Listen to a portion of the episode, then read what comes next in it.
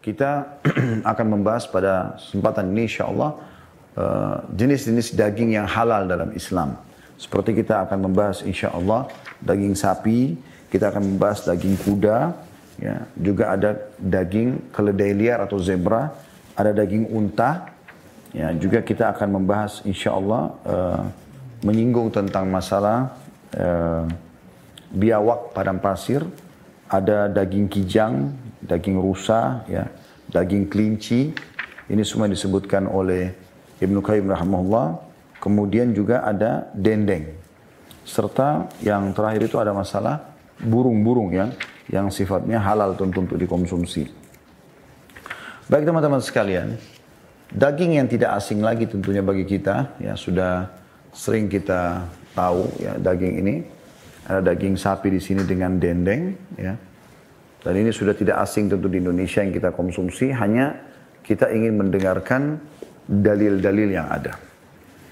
Teman-teman sekalian, sebelum saya jauh membahas atau membacakan dari kitab At-Tib Nabawi yang tulis oleh Ibnu Qayyim rahimahullah, dimulai dari halaman 486 ada khusus bicara masalah daging sapi dan daging-daging yang lainnya. Perlu saya titik beratkan, bagi Anda yang masih belum ingin mencoba apa yang Allah halalkan seharusnya Anda mengubah persepsi itu atau sugesti itu. Karena banyak orang di antara kita teman-teman sekalian, dia tidak mau konsumsi walaupun halal. Padahal sebenarnya tidak ada salahnya dia mencobanya. Tentu bukan sebuah paksaannya. Kecuali satu keadaan. Memang Anda betul-betul asing dengan makanan itu. Atau belum pernah Anda kenal di wilayah Anda. Sebenarnya kita jelaskan nanti insya Allah di daging biayak, biawak padang pasir ya. Nabi SAW menganggapnya halal. Tetapi beliau tidak menyentuhnya karena tidak dikenal. Nabi SAW belum pernah mengkonsumsi itu seumur hidup beliau. Tapi yang lainnya, ya mungkin ada orang seperti kita jelaskan tadi daging kambing, mereka nggak mau makan daging kambing. Bahkan kami pernah hadapi sendiri di yayasan pada saat Idul Adha kami membagi-bagikan daging. Ternyata begitu kami bagikan, mereka terima voucher orang-orang yang mustahik atau orang yang menerima itu. Kemudian bertanya, ini daging apa? Kami mengatakan kambing. Mereka menolak. Lebih baik mereka tidak terima. Karena alasan tidak suka dengan kambing, kambingnya bau, ya, Uh, menyebabkan kolesterol, darah tinggi dan seterusnya. Jadi ini sudah kita luruskan di bahasan kita tentang masalah kambing tentunya ya. Kalau ini semua tidak benar dan harus diluruskan. Sementara daging kambing di antara semua daging ini adalah dianggap rajanya rajanya daging itu sendiri. Karena Nabi Ismail AS pada saat tidak jadi disembeli oleh Ibrahim AS diganti oleh Allah dengan domba. Juga di Idul Adha kita disuruh menyembeli domba atau kambing baru bisa ada pilihannya sapi dan unta. Juga kita tahu di akikah bahkan tidak bisa diganti hewan lain kita dianjurkan menyembeli domba ataupun kambing gitu kan. Dan disunnahkan kita makan sebagian dagingnya. Ini menandakan memang ada khas tersendiri ya. Nah di sini teman-teman sekalian, setelah kita bahas panjang lebar tentang masalah daging kambing, saya akan masuk sekarang ke daging sapi. Ibnu Qayyim rahimahullah menyebutkan tentang sapi ini ya, tapi beliau langsung masuk ke masalah sifatnya. Sifatnya. Namun ada hadis yang dihasankan oleh para ulama tentang masalah penjelasan Nabi Shallallahu Alaihi Wasallam kalau ahli surga nanti akan disembelikan sapi oleh Allah Subhanahu Wa Taala. Dan sapi termasuk daging yang boleh kita konsumsi karena halal juga kita konsumsi susunya ya. Kata beliau sifatnya dingin dan kering. Sulit dicerna amat sulit turun ke lambung menambah darah hitam namun hanya baik bagi orang yang kelelahan ataupun terlalu capek Terlalu banyak mengkonsumsi daging sapi bisa menyebabkan penyakit karena unsur hitam seperti panu, kudis, gatal-gatal, bahkan lepra, penyakit gajah, kanker dan was-was, demam serta berbagai pembengkakan. Itu bagi orang yang belum terbiasa atau tidak mampu mengantisipasi bahayanya dengan merica atau semisalnya. Atau dengan bawang putih, jahe dan sejenisnya. Yang jantan lebih dingin sementara yang betina lebih kering. Daging anak sapi terutama eh, yang gemuk Termasuk daging paling bergizi dan paling baik. Paling lezat dan paling berhasiat. Sifatnya memang panas dan lembab. Kalau terlalu tercerna dengan baik, bisa memberi suntikan gizi yang baik, baik sekali. Tentu di sini beliau bukan mencelah daging sapi ya, tapi beliau coba menjelaskan tentang pendapat-pendapat yang menyebutkan tentang komposisi dan kira-kira seperti apa daging sapi itu. Dari satu sisi beliau mengatakan dia adalah kalau daging anak sapi lebih lezat, sisi yang lain beliau juga mengatakan harus diimbangi daging sapi itu dengan beberapa hal di bumbu rempah seperti disebutkan merica, jahe dan bawang putih. Ya, mungkin ada manfaat-manfaat tertentu yang mungkin bisa meredam mungkin sebab-sebab yang muncul dari daging sapi itu. Allahu alam. Begitu juga beliau masuk setelahnya, karena ini sedikit saja penjelasannya, langsung masuk ke masalah daging kuda. Diriwayatkan juga dalam sebuah hadis dari Asma radhiyallahu anha bahwa ia menceritakan kami pernah menyembeli seekor kuda pada masa hidup Rasulullah sallallahu alaihi wasallam, kan. Lalu memakannya.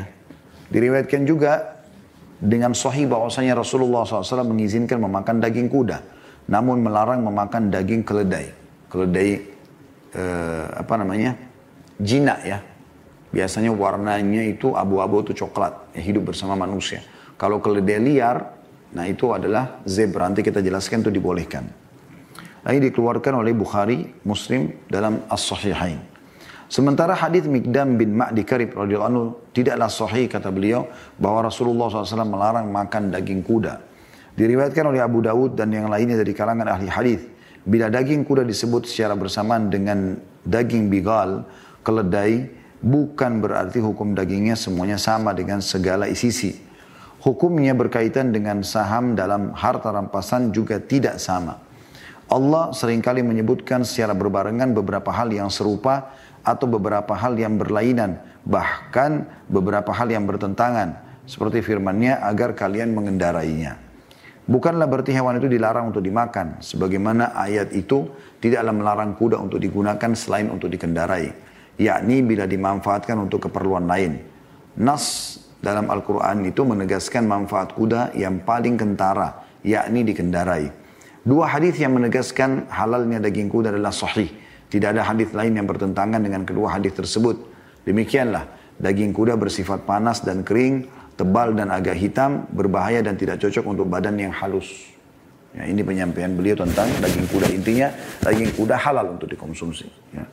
Kalau seseorang mengkonsumsinya walaupun cuma sekali seumur hidup dengan maksud bahwasanya dia bisa uh, apa namanya menjalankan sunnah Nabi Shallallahu Alaihi Wasallam walaupun cuma sekali itu adalah hal yang baik. Kemudian kita masuk ke daging unta. Perbedaan antara Syiah kata beliau dengan ahli sunnah seperti juga salah satu perbedaan antara kaum Yahudi dan dengan kaum muslimin.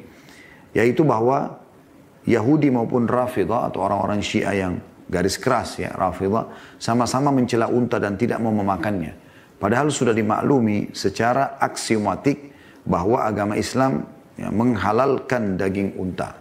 Rasulullah SAW dan para sahabat beliau pernah memakannya dalam waktu lama pada saat bepergian dan pada saat tidak bepergian. Jadi yang sering dilakukan oleh para sahabat Ridwanullah alim kalau perjalanan jauh pasti mereka bawa unta.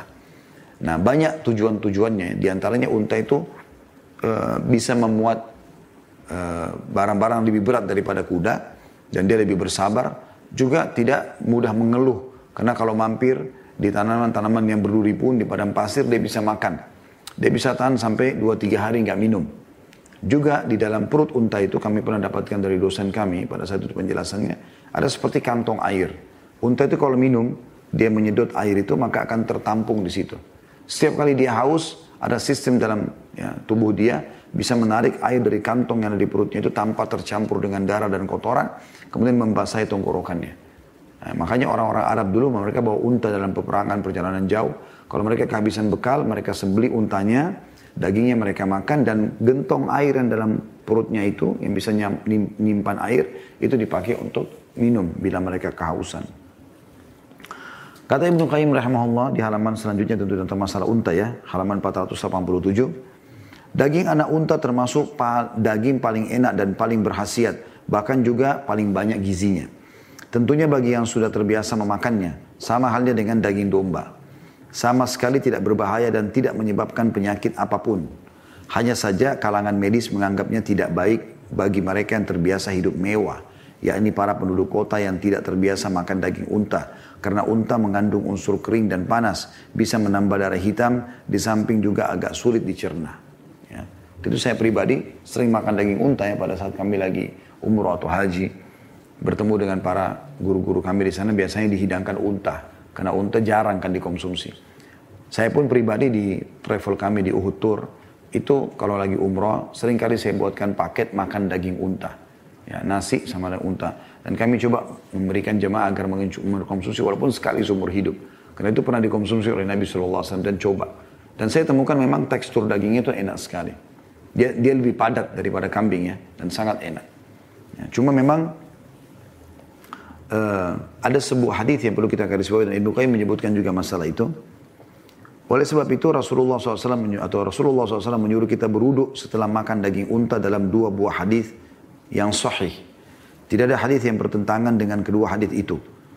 Dan juga perlu diluruskan kata beliau tidak benar apabila berwuduk di situ ditakwilkan dengan tanda kutip membasuh tangan.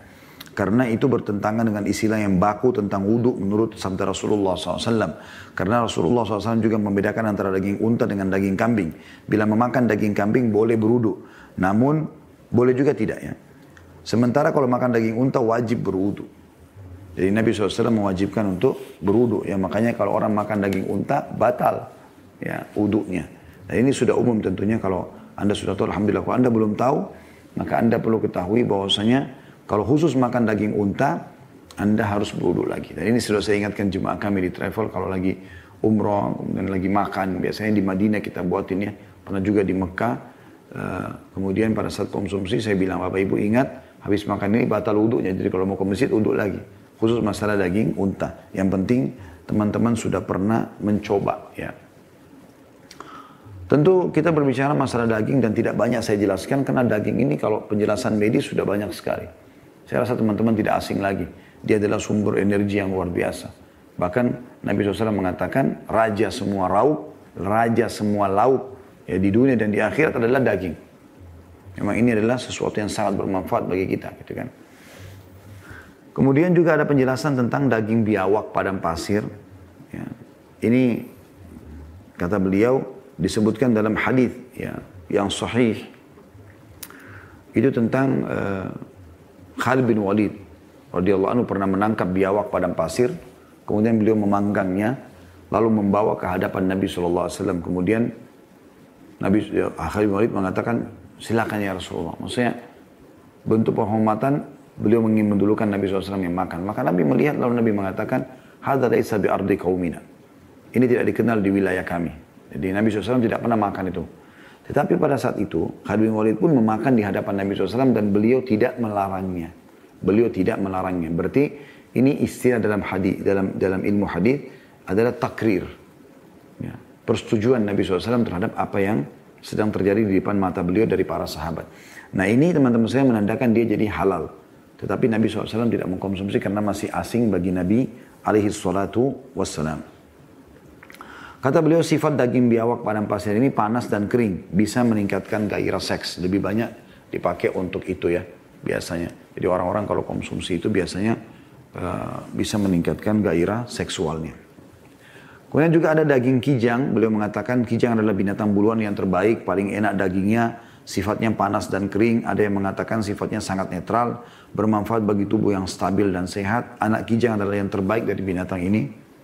Begitu juga dengan daging rusa, beliau khususkan subjudulnya, sifat daging ini panas dan kering pada tingkat pertama, mengeringkan tubuh amat cocok untuk tubuh yang cenderung lembab. Penulis Al-Qanun menandaskan di antara binatang liar yang terbaik dagingnya adalah rusa, meskipun cenderung kehitaman.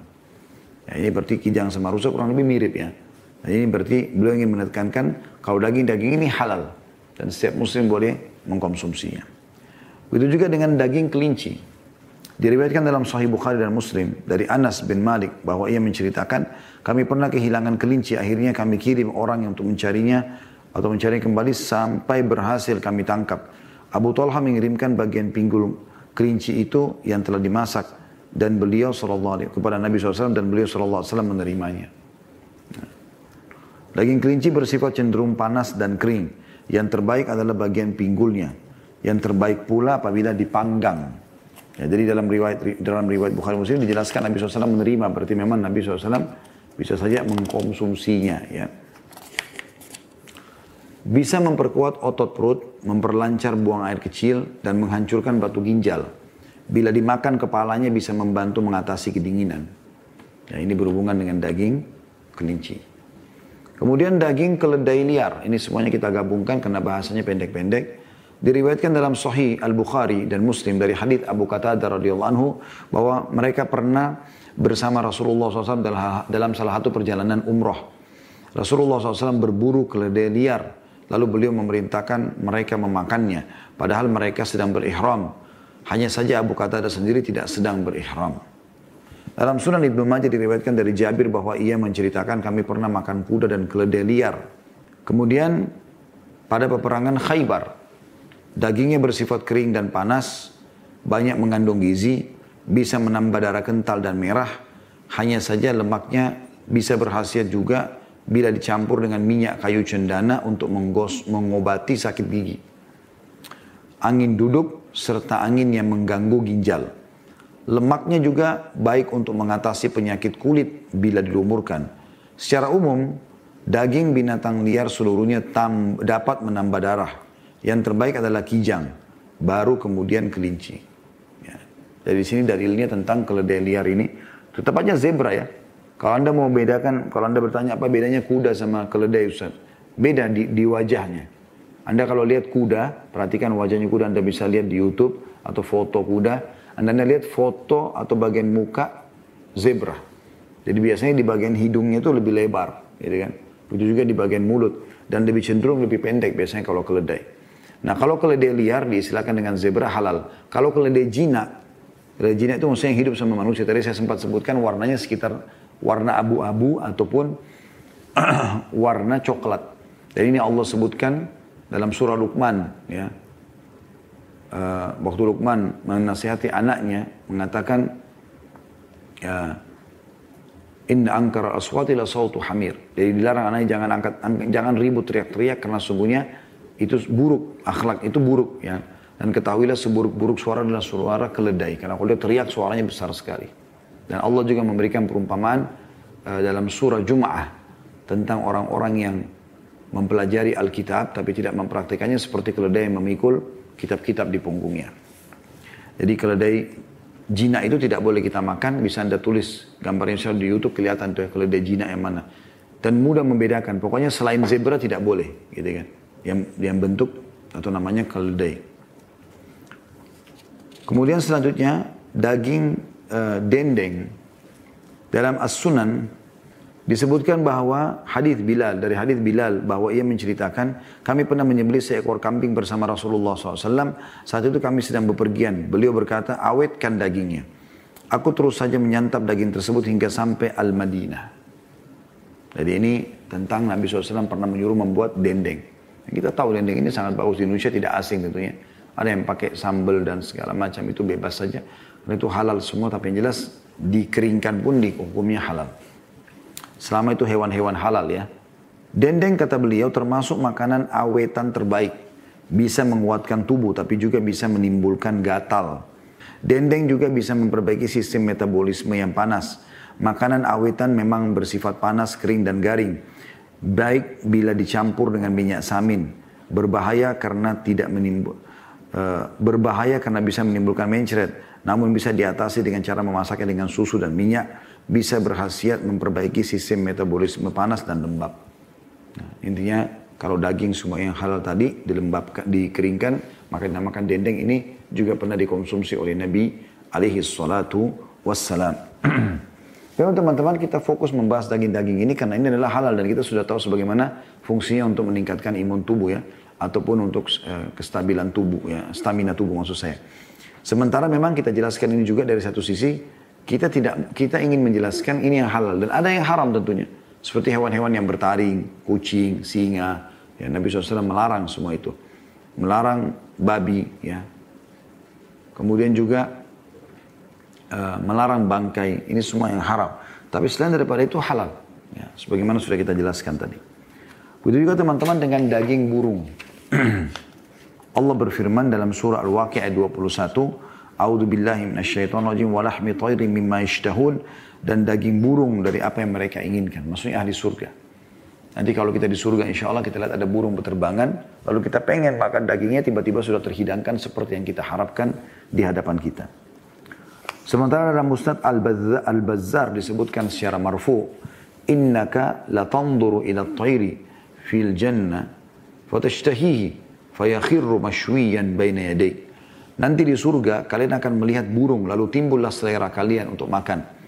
Saat itu, saat itu juga burung itu sudah menukik ke bawah dan terhidang dalam keadaan sudah terpanggang di hadapan kalian. Kata beliau, daging burung ada yang halal dan ada pula yang haram. Yang haram adalah yang memiliki cakar penyambar mangsa seperti elang, garuda, raja wali dan sejenisnya. Ya. Ini mungkin kalau garuda biasa ada orang menganggapnya tidak benar, dikatakan dongeng ya. Tapi saya kemarin sempat berjalan sama Syekh Ziyad dan keluarga beliau dengan keluarga saya ke uh, kebun binatang waktu itu ya kita ke Taman Safari di Puncak. Kemudian sempat mampir ke satu lokasi kayak lapang, tanah lapang gitu. Terus masnya itu lagi pegang burung. Dan memang agak unik saya lihat. Mirip dengan burung Garuda yang logo Indonesia itu ya. Terus saya tanya, ini apa mas? Dia bilang, ini burung Garuda. Selama ini orang anggap dongeng, sebenarnya ada. Dan bentuknya memang agak unik ya, mirip seperti burung Garuda. Jadi bukan elang, bukan tapi memang dia mencengkram. Ya, dan ini yang dikatakan menyambar mangsa dengan cengkramannya. Maka itu hukumnya haram untuk dikonsumsi. Elang, Garuda, Raja Wali, dan sejenisnya. Juga masuk di sini anu ya, kelelawar. Ya. Demikian juga burung yang memakan bangkai seperti burung nasar, herian, bangau, burung magpi, gagak hitam, dan sejenisnya. Demikian juga burung yang dilarang dibunuh seperti hut-hut dan suradi. Di samping burung yang harus dibunuh seperti burung bangkai dan burung gagak sendiri. Ini semua tidak boleh dikonsumsi. Burung yang halal sendiri ada bermacam-macam. Di antaranya ayam jenis burung ya. Dalam Sahih Bukhari dan Muslim diriwayatkan dari hadits Abu Musa radhiyallahu anhu bahwa Nabi SAW pernah memakan daging ayam betina. Dan ini tidak asing di Indonesia daging ayam ya. Sifat daging unggas atau burung ini panas dan lembab pada tingkat pertama, ringan di lambung, mudah dicerna, bagus untuk pencernaan, menambah sumsum -sum dan hormon, menjernihkan suara, memperbaiki warna kulit, memperkuat intelijensi, menambah darah segar. Sifatnya cenderung lembab. Ada yang berpendapat bahwa terlalu sering mengkonsumsi ayam bisa menyebabkan encok. Namun ini tidak terbukti kata beliau. Daging ayam jantan lebih panas komposisinya namun agak kurang lembab. Yang lebih tua umurnya berhasiat mengobati mencret, asma, angin duduk bisa bila dimasak dengan bunga uh, saf atau safflower, kayu manis Daging ayam jantan yang sudah dikebiri amat tinggi gizinya. Mudah dicerna. Jenis ayam blower, broiler ya, lebih mudah lagi untuk dicerna. Bisa memperlunak kotoran. Darah yang dihasilkan oleh daging ini juga amat lembut dan baik. Jadi ini contoh saja. Burung-burung yang lain tentu ada banyak seperti disebutkan oleh beliau yang halal ya.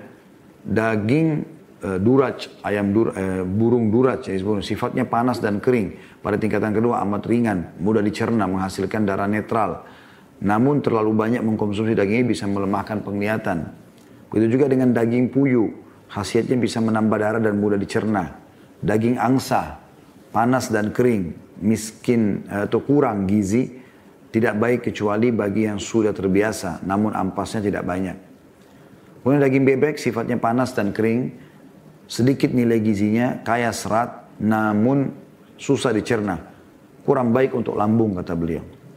Daging kalkun. Dalam sunan, as-sunan diriwayatkan dari hadis Buraya bin Umar bin Safina. Dari ayahnya, dari kakeknya bahwasanya ia menceritakan, aku pernah memakan daging kalkun bersama Rasulullah Sallallahu Alaihi Wasallam. Sifatnya panas dan kering, agak sulit dicerna, namun berhasil untuk penggemar olahraga dan orang yang kecapean.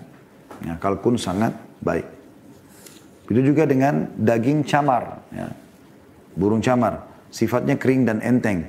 Mengenai panas atau dinginnya masih diperdebatkan. Bisa menambah darah hitam, cocok untuk orang yang kelelahan atau pekerja berat. Setelah disembeli sebaiknya dibiarkan hingga sehari atau dua hari, kemudian baru dimakan, kata beliau. Kemudian juga ada jenis burung uh, bluefish atau ikan biru ya Diriwayatkan dari An-Nasai dalam sunannya dari hadis Abdullah bin Umar radhiyallahu anhu bahwasanya Nabi SAW bersabda, barang siapa yang membunuh meski hanya seekor anak burung atau yang lebih kecil dari itu tanpa hak, maka ia pasti akan ditanya oleh Allah. Ada yang bertanya wahai Rasulullah, apa haknya? Beliau menjawab, haknya adalah hendaklah kalian menyembelihnya dan memakannya. Jangan kalian potong kepalanya lalu kalian buang. Ya, ini dijelaskan hadisnya kalau Nabi SAW menyuruh memberikan hak jadi tidak boleh dibunuh begitu saja, tapi disembelih untuk dimakan. Ya. Dalam sunannya disebutkan juga dari Amr bin Ashuraih, Ashurait. Ya. Dari ayahnya bahwa saya menceritakan aku pernah mendengar Rasulullah SAW bersabda pada siapa yang membunuh anak burung untuk bermain-main saja, maka sang burung akan menghadap Allah dan berkata, sungguhnya si fulan telah membunuh saya untuk bermain-main saja, bukan untuk keperluan tertentu. Dagingnya secara umum panas dan kering, bisa memperkeras kotoran, menambah stamina, kuahnya justru bisa melunakkan kotoran, berhasil memperkuat sendi tulang.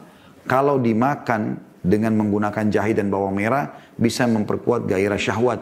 Namun tetelannya tidak baik. Itu juga beliau menjelaskan tentang uh, daging merpati, burung merpati. Kata beliau sifatnya panas dan lembab. Merpati liar lebih kurang lembabnya. Namun anak burung merpati justru lebih lembab, terutama sekali yang dipelihara dalam kandang. Burung merpati yang baru besar lebih ringan dagingnya, lebih baik gizinya. Daging merpati jantan bahkan mengandung obat untuk mengatasi anestesia atau kehilangan e, kepekaan, stroke dan kedinginan. Demikian juga sekedar menghirup nafas burung ini sudah berhasiat. Khusus anak burung merpati berhasiat juga untuk kaum baik untuk ginjal dan menambah darah. Diriwayatkan dalam hal ini sama sebuah hadis ya, yang batil yang tidak ada asalnya dari Rasulullah SAW. Dan hadis ini tidak bisa dipegangi ya. Bahwa ada seorang laki-laki yang datang mengadu kepada beliau bahwa dia kesepian.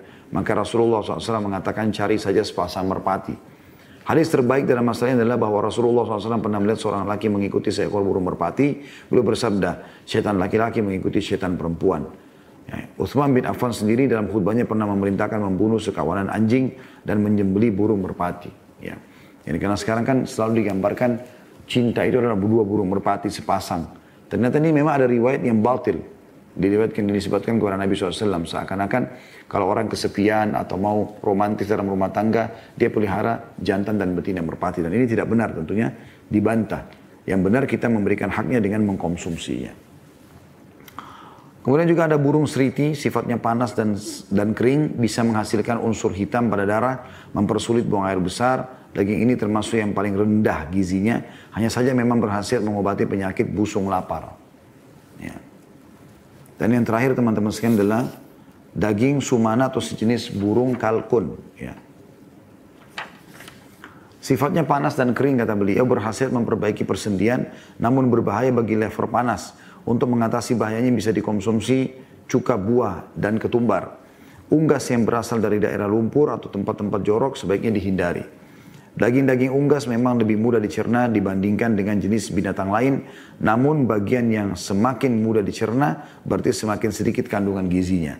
Seperti leher dan sayap, otak unggas lebih baik daripada otak binatang ternak yang lainnya.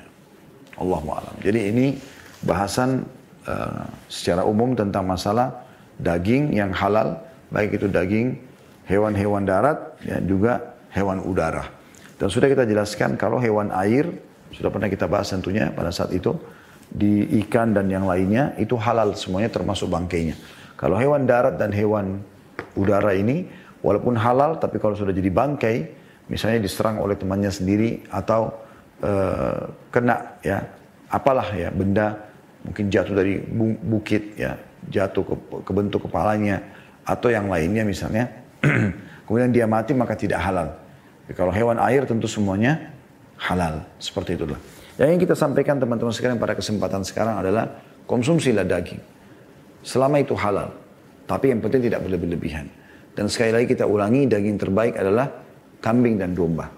Dan ini jelas Paling banyak riwayat menjelaskan Nabi SAW mengkonsumsinya dan saya sudah jelaskan tadi ya bahwasanya akikah saja siapa pun dia mau dia orang Arab mau orang bule mau orang e, Melayu dari Asia Tenggara mau orang hitam dari Afrika kalau anaknya lahir laki-laki selama dia muslim dia wajib kalau punya kemampuan menyembeli dua ekor domba atau kambing dan kalau anak perempuan satu ekor kemudian memakan sebagian dan membagikan sebagian gitu kan dan kita tahu juga di Idul Adha yang paling afdal adalah domba sebagaimana Ismail alaihissalam tidak jadi disembeli oleh Ibrahim alaihissalam digantikan dengan domba. Itu menandakan yang terbaik.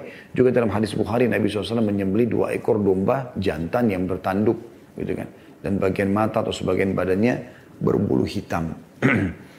Dan Nabi SAW menyuruh kita atau bahkan melarang kita. Ulama mengatakan haram hukumnya berpuasa di Idul Adha Tentu dua, dua, dua hari raya tidak boleh, Idul Fitri, Idul Adha. Tapi Idul Adha ini nggak boleh kita puasa dan kita disuruh makan daging hewan sembelihan. Dan itu yang paling awal adalah domba atau kambing, baru kemudian sapi dan unta. Kemudian uh, tiga hari setelah itu ayam tasyirik atau hari-hari tasyirik. Kan Idul Adha itu tanggal 10 Zulhijjah, tanggal 11, 12, 13. Ya, tiga hari ini kita dianjurkan memakan uh, daging korban kita. Bahkan kita dilarang untuk berpuasa. Berarti empat hari ini hari makan daging. Menandakan memang daging-daging ini adalah sesuatu yang baik. Sampai dijadikan ada hari khusus untuk makan itu. Dan juga sering kali dipraktikkan oleh para salafus salih. Mereka kalau mau melayani tamunya, yang terbaik adalah mereka menghidangkan daging. Nah, kita tahu kisah Nabi Ibrahim AS pada saat kedatangan dua malaikat yang akan menghancurkan kaum Lut maka Nabi Ibrahim AS menghidangkan daging sapi. Sebenarnya diceritakan dalam Al-Quran masalah itu. Baik ini bahasan kita teman-teman sekalian. Semoga tentu Anda bisa mengambil manfaat dari apa yang kita bacakan tadi. Mohon maaf saya agak monoton membaca buku karena memang uh, saya melihat ini adalah saya harus menukil secara letterlet dari buku Ibnu Qayyim. Karena memang saya bukan seorang ahli gizi yang meneliti tentang masalah daging. Saya cuma coba menukil perkataan ulama tentang masalah bagaimana yang halal boleh dikonsumsi. Termasuk masalah daging insya Allah. Hanya saja teman-teman saya juga sebelum saya buka pertanyaan, ingin menitik beratkan poin penting. Anda jangan pernah permasalahkan dagingnya. Tapi Anda harus atur dan permasalahkan adalah bumbunya. Karena sering kali kita terlalu banyak garam, terlalu banyak eh, campuran-campuran bumbu, apalagi yang sudah mengandung kimia, itu sebenarnya yang bisa merusak uh, tekstur ataupun gizi ataupun manfaat daripada daging itu. Sehingga ini muncullah penyakit-penyakit. Ya. Kita yakin Eh, saya pernah bicara dengan seorang uh, ahli gizi dan dia juga seorang olahragawan, masya Allah dia mengatakan, waktu saya tanya kira-kira seperti apa makanan yang paling baik, terutama daging. Dia bilang yang paling sederhana bumbunya. Makin sederhana makin bagus gitu kan. Maka itu akan lebih baik karena tidak sampai merusak atau mengurangi manfaat daripada daging itu sendiri. Begitu saya teman-teman sekalian insya Allah.